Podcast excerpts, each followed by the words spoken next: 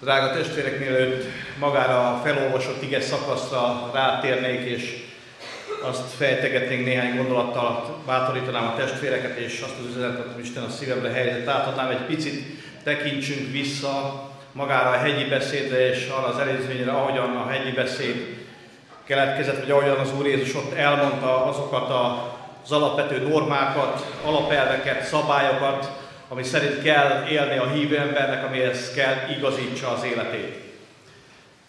Vissza tekintve az Ószövetségre, Istennek az alap elve, alap gondolata az volt, hogy egy elkülönített népet akar a maga számára, amely más, mint a többi nép. Nem a többi nép megszokott isteneit vagy szokásait követi, hanem őt követi. Ő hozzá igazítja az életét, az ő törvényei szerint rendezi be, és neki él. És Isten így hívta ki Ádámtól kezdve napjainkig az ő elkülönült népét, aki az ő dicsőségére van jelen most is, az eklésiát, az Újszövetségi embereket az ő számára. És ezen a népen keresztül, rajtunk keresztül szeretné bemutatni azt az országot, azt az új világrendet, azt az új vallást, ha úgy tetszik, azt az új hitet, amit ő akar ennek a világnak adni, önmagát azt a más értékrendet, ami határozottan és világosan kell, hogy elkülönüljön ettől a világtól. És ma is, amikor Krisztus követésére szántuk az életünket, amikor az ő lelke újjászült bennünket, más emberekké lettünk. Az ő lelke betöltött, más gondolkodás, más értékrend, más szabályok, más normák, más alapelvek, ami alapján berendeztük a mi életünket, és így lehetünk itt az ő kegyelméből és ez az elkülönülés, ez nem azt jelenti, hogy elszigetelődünk ettől a világtól. Elkülönülünk az ő istenek, isteneiktől, gondolkodásoktól, értékrendünktől, de itt vagyunk ebben a világban. És nekem nagyon tetszik az Ószövetség elején Noénak a története, amikor Isten ítéletet tart és megemelkedik a víz színe, és a bárkába, akik a bárkában vannak, Noé és családja, akik Isten előtt kegyelmet találnak, megmenekülnek, és úgy olvashatjuk a Károli fordításba, hogy a bárka lebegett a víz színén. Az új fordítás szerint már úgy van, hogy úszott a vízen. És ez a lebegett a víz színén, az azt jelenti, hogy egy bizonyos felület volt, amivel érinkezett ebbe a világba, ezzel a világgal. De teljesen el volt különülve. Akik abban a bárkában voltak, azok el voltak szigetelve a víztől és abban a várkába sem folyt be ez a szennyes áradat, hanem lebegett, Isten tartotta ezt a családot, azt a néhány embert, aki kegyelmet talált az Úr előtt. És ma is így van ez. És erre hívott el bennünket Isten, hogy ilyen módon legyünk jelen ebbe a világba. Benne, de mégse azonosulva vele, hanem lebegve egy bizonyos szinten érinkezve azon a szinten, amin keresztül tudjuk továbbítani az evangéliumot, amin keresztül a mi hitünket e, e világ elé tudjuk élni, és azt a tanítványi elhívást, amire bennünket Isten hívott, hogy beszéljünk a hitünkről, hogy megvalljuk a mi Istenünket, a mi Krisztusunkat, hogy ez az elkülönített nép, akik itt vagyunk, bizonyságai legyünk annak a Krisztusnak, annak az új világnak, annak az új országnak, ami Krisztusban jött el újszövetségi embereknek, amiben élhetünk. És Isten erre hívott el bennünket, és különös módon akar bennünket használni. És a hegyi beszéd ennek a új életnek, új, újonnan született embernek a jellemvonásait részletezi. Az elmúlt alkalommal, amikor beszéltem, a boldog mondásokat hoztam a testvérek elé. És a boldog mondásoknak a sorozata, ahogyan Isten elénk tárja azt a jellemet, aminek kell lennie egy hívő embernek az életébe. Egy újjászületett, megtért, megszentelt hívő embernek az életébe. És ez teljesen eltér a világtól. Ez a boldog mondás sorozata, ahogyan akkor is mondtam, ez nem a világ szerinti boldogság. Ez egy egészen más boldogság, amikor arról beszél, hogy boldogok a szegények, boldogok, akik sírnak, boldogok a szelidek, boldogok, akiket üldöznek, és lehetne sorolni. Ez a világ szerint nem boldogság, de mégis a mi hitünk szerint egy Istenhez való tartozásnak a jele, és bennünket örömmel tölt el. És hadd mondjam még azt is el, hogy a hegyi beszéd, ezek a normák, alapelvek, szabályok, amiket itt az Úr Jézus akkor és most is elénk tár, ezt nem lehet külön választani magától, Krisztustól, aki akkor elmondta, és aki most is mondja nekünk az ő lelke által. Az ő személye a kulcsfontosságú ezeknek a szabályoknak a betartásában. Lehetetlen, mint ahogy a tíz parancsolatot is lehetetlen volt akkor betartani, és számunkra is szinte, hogyha végigolvassuk a hegyi beszédnek az elvárásait, szabályszerűségeit, azt tudjuk mondani, hogy lehetetlen, képtelenek vagyunk megtartani.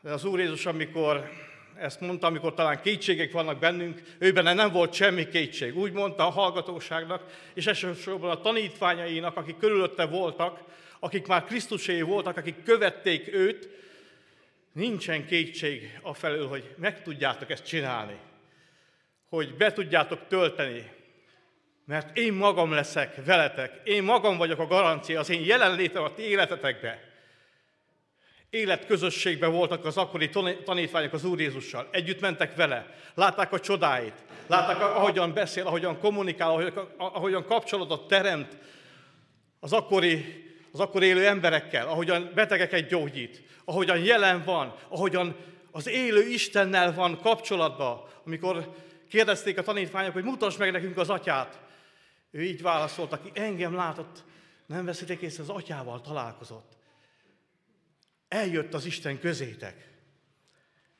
És ezzel az élő Istennel, az Úr Jézus Krisztussal volt életközösségük, életkapcsolatuk. És mi a helyzet velünk? Az Úr Jézus visszament. Azt mondta, hogy itt hagyom a vígasztalót, a szent lelket. Olyan csodálatos Istennek a terve. Nem hagyott bennünket árvákul, nem maradtunk egyedül. Tamás a tanítvány az Úr Jézus feltámadása után azt mondta, hogy én nem hiszem. Nem hiszem el, hogy feltámadt. Majd ha látom a kezeit, majd hogyha a kezemet a sebeibe tehetem, majd akkor. És ez a hitetlen Tamás így is szoktuk mondani, amikor találkozott az Úr Jézus, azt mondta, hogy tedd a kezembe. Egy csodálatos vallomás mondott, azt mondta, hogy én Uram és én Istenem. Hiszem, tudom, és azt válaszolta rá az Úr Jézus, hogy boldog vagy te Tamás, mert látsz és hiszel, itt vagyok. Fizikálisan a fizikai érzékszereiddel felfogsz. De hidd el, hogy boldogabbak azok, akik nem látnak, akik majd a lélek által fog hit ébredni a szívükbe, és mégis hisznek. És hadd mondjam, testvérek, ezek vagyunk mi, akik itt ülünk, akik nem látok fizikálisan, ugye nem találkoztunk az Úr Jézussal, de az ő lelke által itt jár közöttünk, és hitébredhetett a szívünkbe. Új emberekké válhattunk, és ez a felsorolt jellemvonás sorozat, amit a boldog mondásokban van, igaz az életünkre, hogy boldogok vagyunk, azért, mert Krisztustól magától függünk, mert ő van az életünkben, mert ez a teljesíthetetlen elvárás, szabályosság, alapelvek, normák, amiket itt ír, ez vele teljesíthető. És van győzelem. Tudunk hívő életet élni, tudunk megjelenülni ebbe a világba. És olyan jó, hogy ezzel kezd a hegyi beszédet az Úr Jézus. Figyeljetek, ha engem követtek, ha engem választott, ez a legboldogabb választás. Boldogok vagytok. Ha én utánam jöttök, akármilyen nehézség is lesz, akármilyen nyomorúsága kell szenvedézni, ha sírtok, ha gyász van, ha betegség van, akkor is boldog lesz a szívetek, mert én magam leszek ott, és mindenen keresztül viszlek, még akkor is, ha üldözni kell, vagy üldözésben lesz részetek, veletek leszek. Erre készíti fel Isten az ő népét. Nem tudjuk, hogy mi vár ránk, de hogy minden körülmények között, vagy a körülményeinktől függetlenül követlek Úr Jézus, csak te legyél itt az életembe. Nem tudom, hogy mit hoz a holnap, mivel kell szembenézni, milyen harcaim lesznek. Ma reggel az ima közösségünkben arról beszélgettünk, hogy hívő emberként is annyi harccal kell szembenéznünk. És a legtöbb problémánk önmagunkkal van.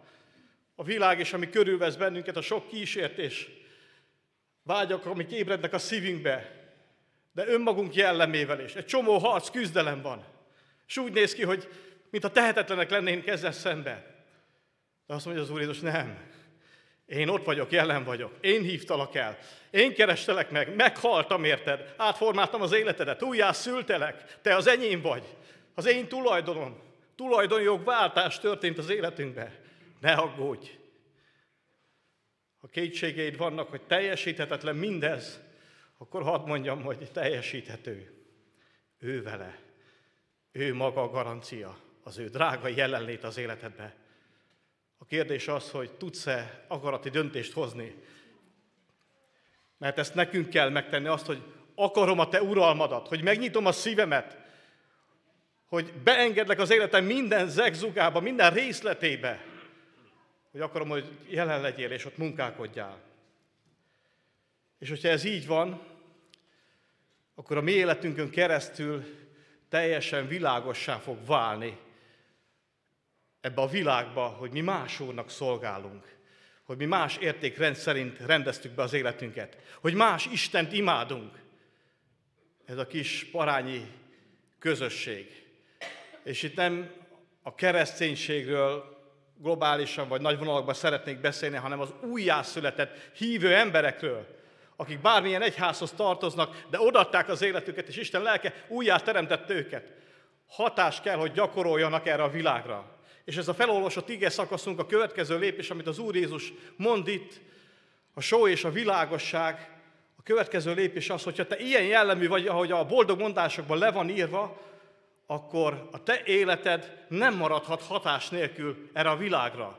Só és világosság kell, hogy legyél. Hogy a te jelenléted hatás kell, hogy gyakoroljon a családodra, a munkahelyedre, az osztálytársaidra, a baráti körédre, és mindenhol, ahol megjelensz. Mert te más ember lettél, észre kell, hogy vegyék, hogy más uralom van a szívedbe.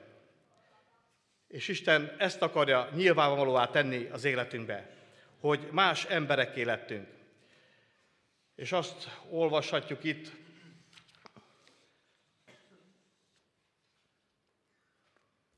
ti vagytok a föld sója.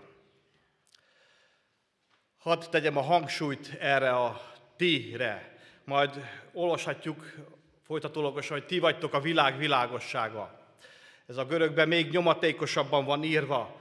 Nem más, hanem mi, minket választott ki Isten, ti vagytok, mi vagyunk azok, akiket, akiknek hatást kell gyakorolni erre a világra, akiknek az életén keresztül meg kell, hogy nyilvánuljon a mi hitünk, a mi cselekedeteinken keresztül, és nem a jó cselekedeteinken, nem csupán a jó cselekedeteinken keresztül, hanem a hitünkből fakadó jó cselekedeteinken keresztül. Amikor hitébred a szívünkbe és Krisztusra való tekintettel, ami hitünk indikálják azokat a cselekedeteket, tetteket, változásokat, beszédet, magaviseletet, ami erre a világra hatása van. És ez egy komoly változás, komoly szakadék az e világgal szemben, az itt élőkkel szemben. Só és világossága. És az a kérdés, vajon hogy tudunk hatást gyakorolni? Vajon ezek a szelidek, lelki szegények, és ami itt le van írva ebbe a boldog mondásokba, miféle erő van ebbe, hiszen úgy néz ki, mintha erőtelenség lenne, mintha a mi gyengeségeinken keresztül akarná befolyásolni Isten a világot. És valóban így van, Pálapostól beszél erről. Ami értékünk törékeny cserépedényben van elrejtve.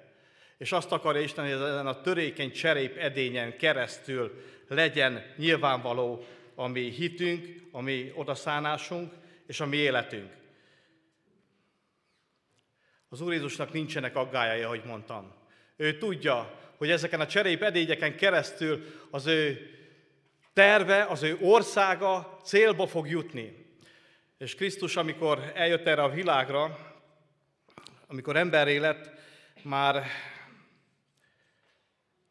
kezdte hirdetni, miután nyilvános szolgálatát elkezdte, keresztelő János is kezdte mondani, hogy elközelített az Istennek az országa. És majd az Úr Jézus is ezt mondta, térjetek meg, változzatok meg, változásra van szükség. Itt van Isten országa közöttünk. Közöttünk és bennünk. És bennünk akarja ezt a változást elindítani Jézus. És ha bár ilyen törékenyek vagytok, mégis a ti törékeny életeteken keresztül akarom megmutatni ennek a világnak ezt az új országot, ezt az új értékrendet, a ti só és világosság életeteken keresztül. És azt mondja itt, hogy só és világosság legyetek ebbe a, ebbe a világba. A sónak két hatása van, amit itt felértem és gondolkozok rajta, vagy gondolkoztam rajta. Az egyik ugye ízesít. Amikor megsózunk egy ételt, annak tudjuk, hogy van íze. Láthatatlanul feloldódik a levesbe, vagy abba az ételbe, amit megsózunk, és érezzük, hatása van, érezzük az ízét. Tudjuk, hogy ez meg van sózva, de van egy másik nagyon fontos szerepe is a sónak, ez pedig a tartósítás. Az, amikor valamit tartósítunk vele, és amikor még talán nem voltak hűtőszekrények, más módon próbálták megoldani a húsnak az eltárolását, akkor besózták. Ismerős ez talán sokunk számára, hogy besózták a húst, és így tárolták. A régi öregeink is így voltak biztosítva arra, hogy hosszabb ideig frissen maradnak és ehetők lesznek. És a sónak van egy úgynevezett romlás gátló hatása. És hadd tegyem erre a hangsúlyt, amikor só és világosság akarja, hogy Isten azt akarja, hogy só és világosság legyünk ebbe az életbe, akkor az egyik dolog, ami nagyon fontos hatást kell gyakorolunk ebbe, hogy a romlást akadályozzuk meg. Azt a romlást, ami ebbe a világban van. Mert Isten bennünket változtatott, mi is ebben a romlandó világban voltunk, mi is e, szerint a romlandó világ szerint gondolkoztunk, és mi is romlottak voltunk. De ez csak Isten az ő lelke által elkezdett tisztítani bennünket, megmosni, és a romolhatatlanságba vinni. A mai világban két olyan rend van,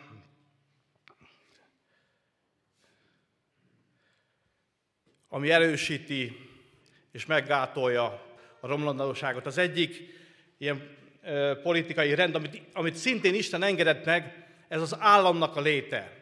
És az állam alatt azt szeretném mondani, hogy a bármilyen rendszer is van, akár demokrácia, akár más rendszerek, az államnak az egyik felépítése az, hogy rend van, törvények uralják. És az, hogy biztonságban lehetünk egy államban, az, hogy törvények vannak. És nem csak a törvények vannak, hanem be is tartatják a törvényeket. Ez Isten kegyelme, hogy ma egy olyan államban élhetünk, ahol biztonságban élhetünk, ahol rend van, ahol biztonságban mehetünk haza, fenntartják a törvényességet. És a másik dolog, amit Isten tervébe volt benne, ez pedig a család, a házasság. A házaspárok, ugye néhány héttel ezelőtt volt a házasok hete, ahol próbáltuk megerősíteni a gyülekezetünkben való házasságokat, és hogy milyen fontosak ezek. És Isten drága terve ez, hogy ebbe, ebbe a társadalomba ilyen hatást gyakoroljanak ezek a dolgok is, az államforma és a családok is, hogy a romlást megakadályozza Isten. De mégis a legnagyobb hatást Isten gyermekei, a hívő, újjászületett emberek gyakorolják ma a világra. Mi? Isten ezért hívott el bennünket, ezért változtatta meg az életünket, hogy só és világosság legyünk, hogy ezt a romlást, ezt megakadályozzuk. És Isten az, aki munkálkodik az életünkben, az életünk által, hiszen a mi életünkben is megállt ez a romlás, amikor találkoztunk az Úr Jézus Krisztussal, amikor a bűneink miatt halott életünket egyszer csak megelevenítette, és azt a változást hozta az életünkbe, hogy szembe mentünk ezzel a romlással. Nem akarjuk a bűnt megtűrni az életünkbe. És olyan jó visszaemlékezni, talán testvérek is visszaemlékeznek azokra a testvérekre, akik, akiket Isten használt a mi életünkbe, hogy találkozunk vele. Akiket használt arra nézve, hogy a mi életünkbe is Isten megakadályozza ezt a romlást, a sátannak a munkáját.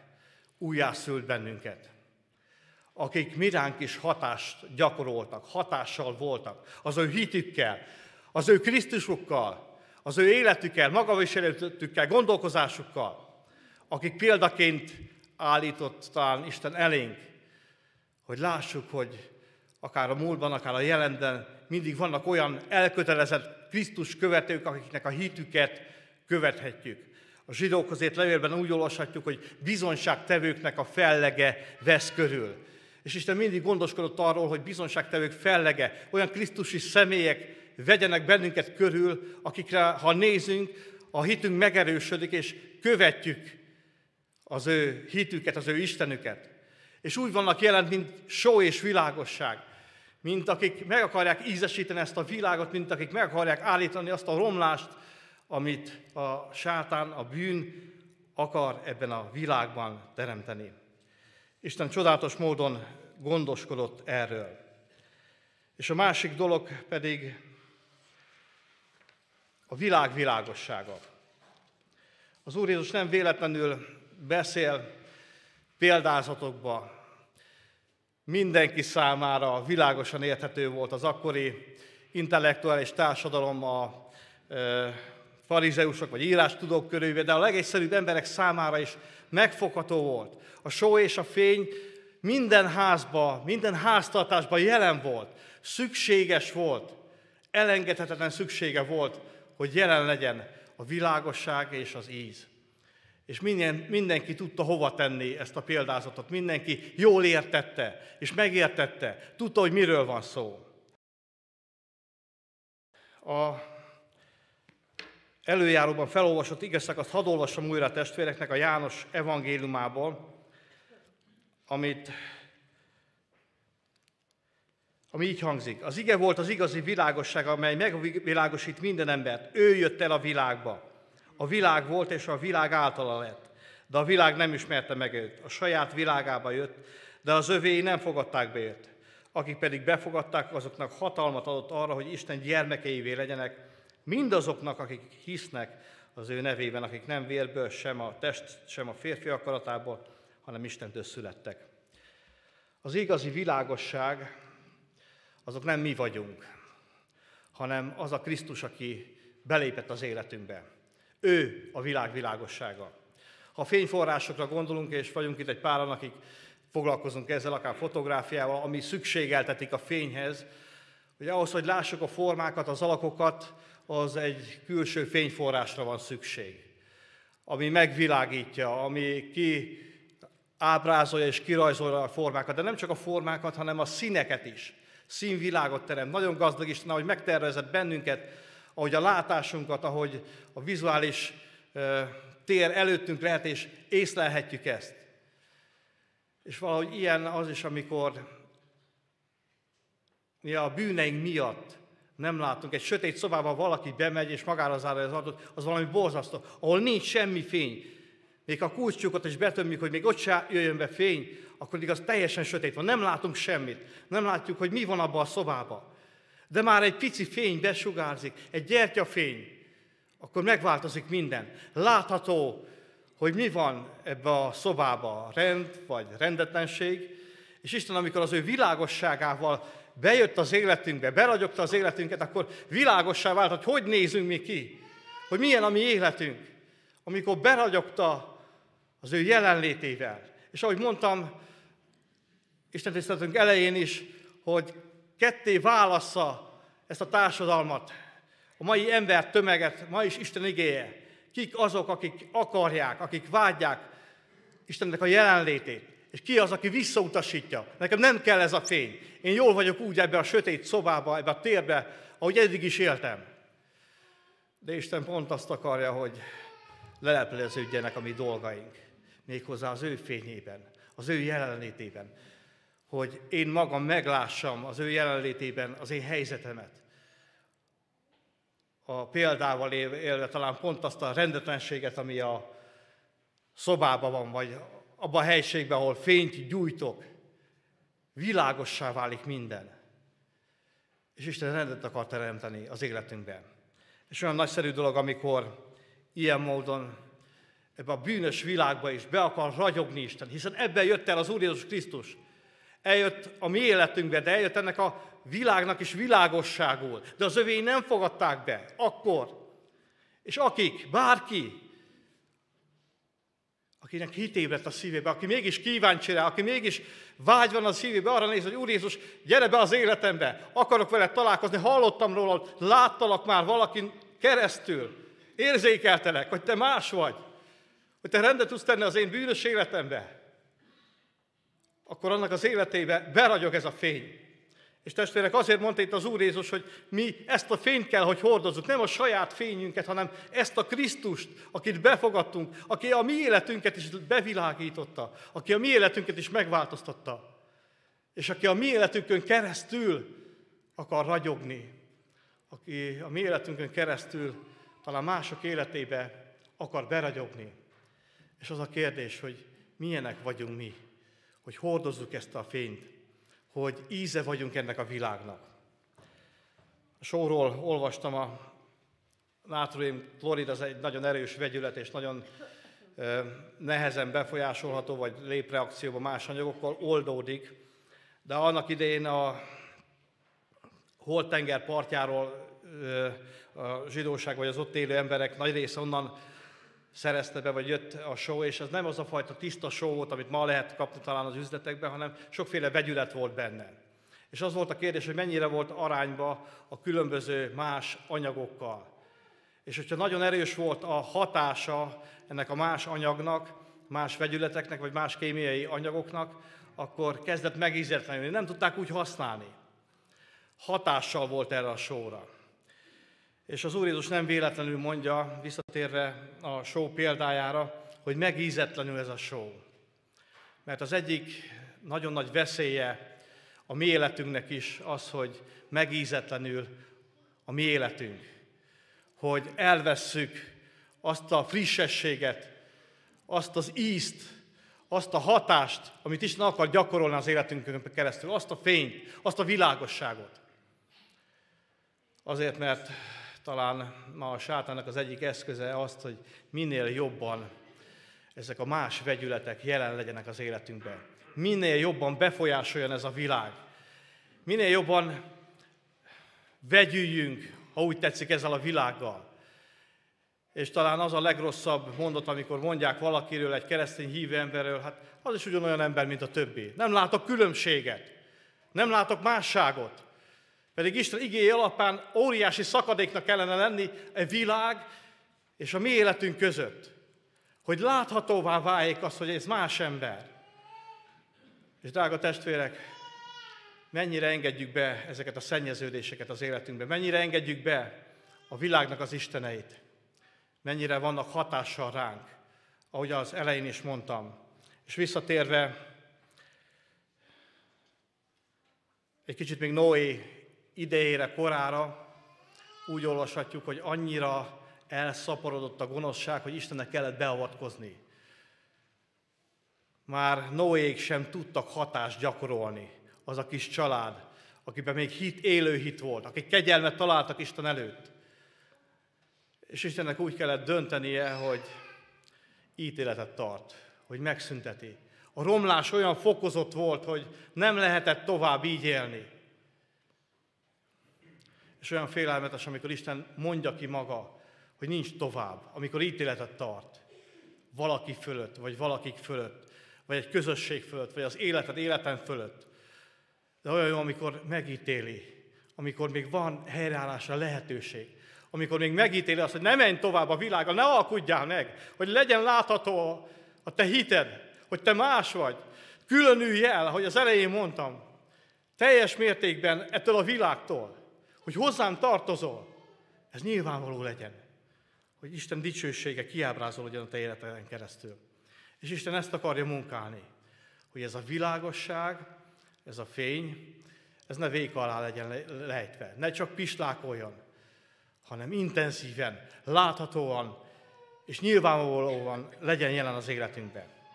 Ti vagytok a föld csója, ha pedig a só megízetlenül, mivel lehetne az ízét pótolni? Semmire nem való.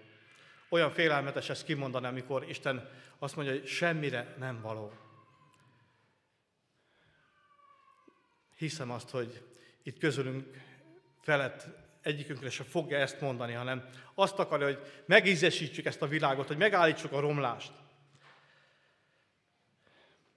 Csak kidobják és eltapossák az emberek. Ti vagytok a világ világossága, nem rejthető el a hegyen épült város. Lámpát sem azért gyújtanak, hogy a vék alá tegyék, hanem hogy egy lámpatartó, vagy világítson mindenkinek a házban. Olyan csodálatos, hogy Istennek ez a célja. Ez a célja az ő népével, a hívő emberekkel, hogy világítsunk, hogy képviseljük ezt az új országot, ezt az új világrendet a mi értékeinkkel. És azzal az átformálódással, amit itt a boldog mondásokban is elmondtam a testvéreknek A világosság az, amelyik beragyog az életünkbe. Krisztus maga az ő világosságával tud hatást gyakorolni rajtunk keresztül erre a világra. És mi a végső célja Istennek? Úgy ragyogjon a ti világosságotok az emberek előtt, hogy lássák jó cselekedeteiteket, és dicsőítsék a ti mennyei atyátokat. Két dolog van itt. Az egyik a láthatóság, az, hogy teljesen világos legyen a ti életetekbe, a ti cselekedeteiteken keresztül. Ma a világ úgy tud információt gyűjteni Istenről, hogy azok az emberek, akik Isten képviselik itt, azok üzennek az ő életükkel, az ő cselekedetikkel, az ő itt létükkel. Egy üzenetet, nyomatot hagynak itt, hogy kik is ők, és ki az ő Istenük. És azt mondja, hogy úgy ragyogjon a ti világosságotok, hogy az embereket ezt látva, cselekedeteiket dicsőítsék az Istent. Hogy meglássák az Istent, hogy kapcsolatba kerüljenek az Istennel, hogy látva a mi hitünket, a mi életünket, hit ébredjen a körülöttünk élőkbe. Istennek ez a munkája, ezt akarja, ezért vagyunk itt, ezért hívott el bennünket, ezért akarja, hogy tanítványai legyünk, hogy követői legyünk, hogy megalkovás nélkül menjünk utána, és adjuk át oda az életünket, a szívünket. És még néhány gondolatot hadd osztok meg a testvérekkel. Zárásképpen szintén üzenetek ezek. Az egyház és a világ között való szakadék.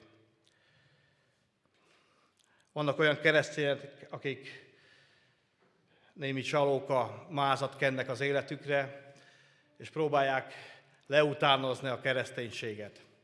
De lehetetlen így élni. Ők nem azok mert az életükön mégis a világ értékrendje lesz látható.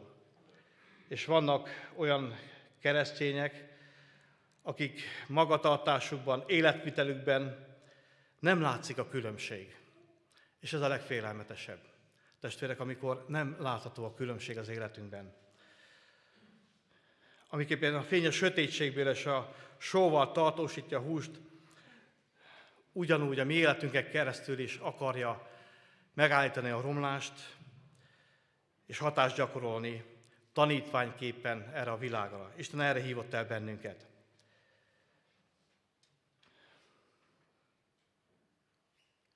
És a másik pedig a felelősség.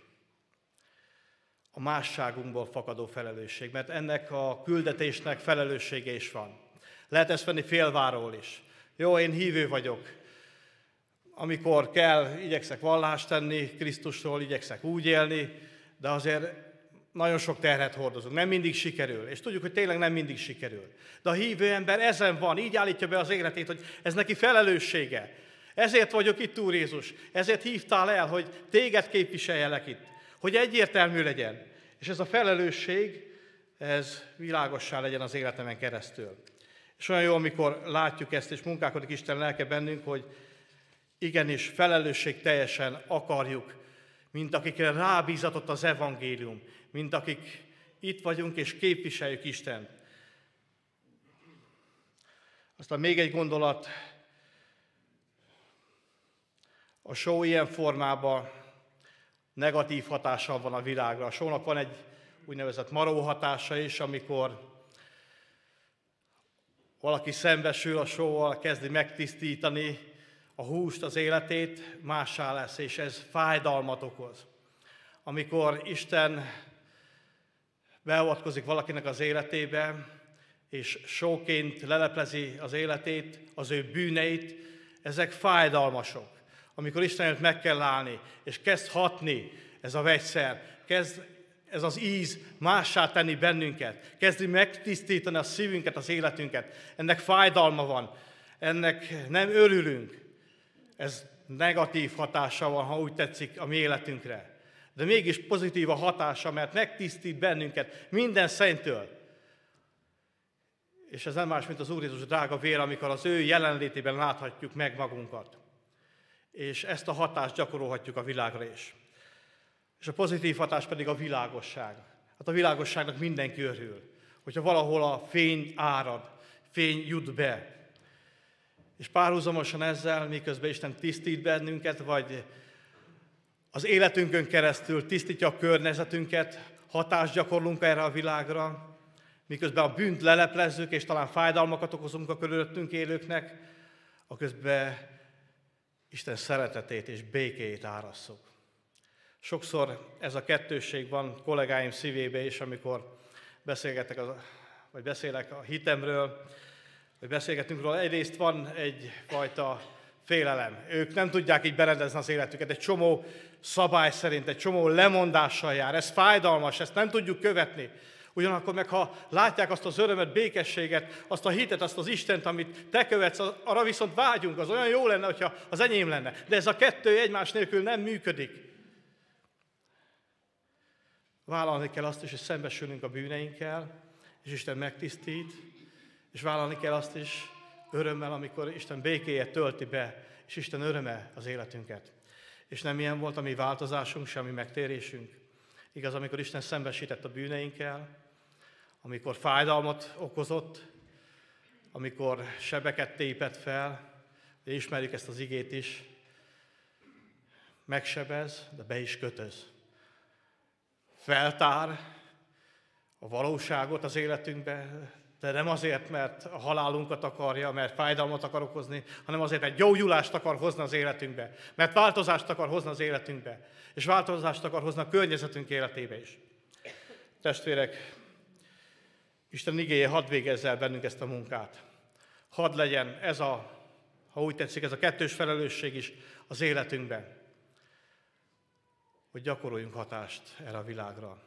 És csak úgy tudjuk ezt megtenni, hogyha engedjük az Úr Jézus Krisztus, mert nem mi vagyunk, akik hatást gyakorolunk, hanem Isten maga, az Úr Jézus az ő szent lelke által, a bennünk élő Krisztus, aki átvette az uralmat, aki átformálta az életünket, aki újjá tett. Ez munkálkodjon az életünkben, ő, és engedjük, hogy rajtunk keresztül só és világosság legyünk a hitetlen világ számára. Amen.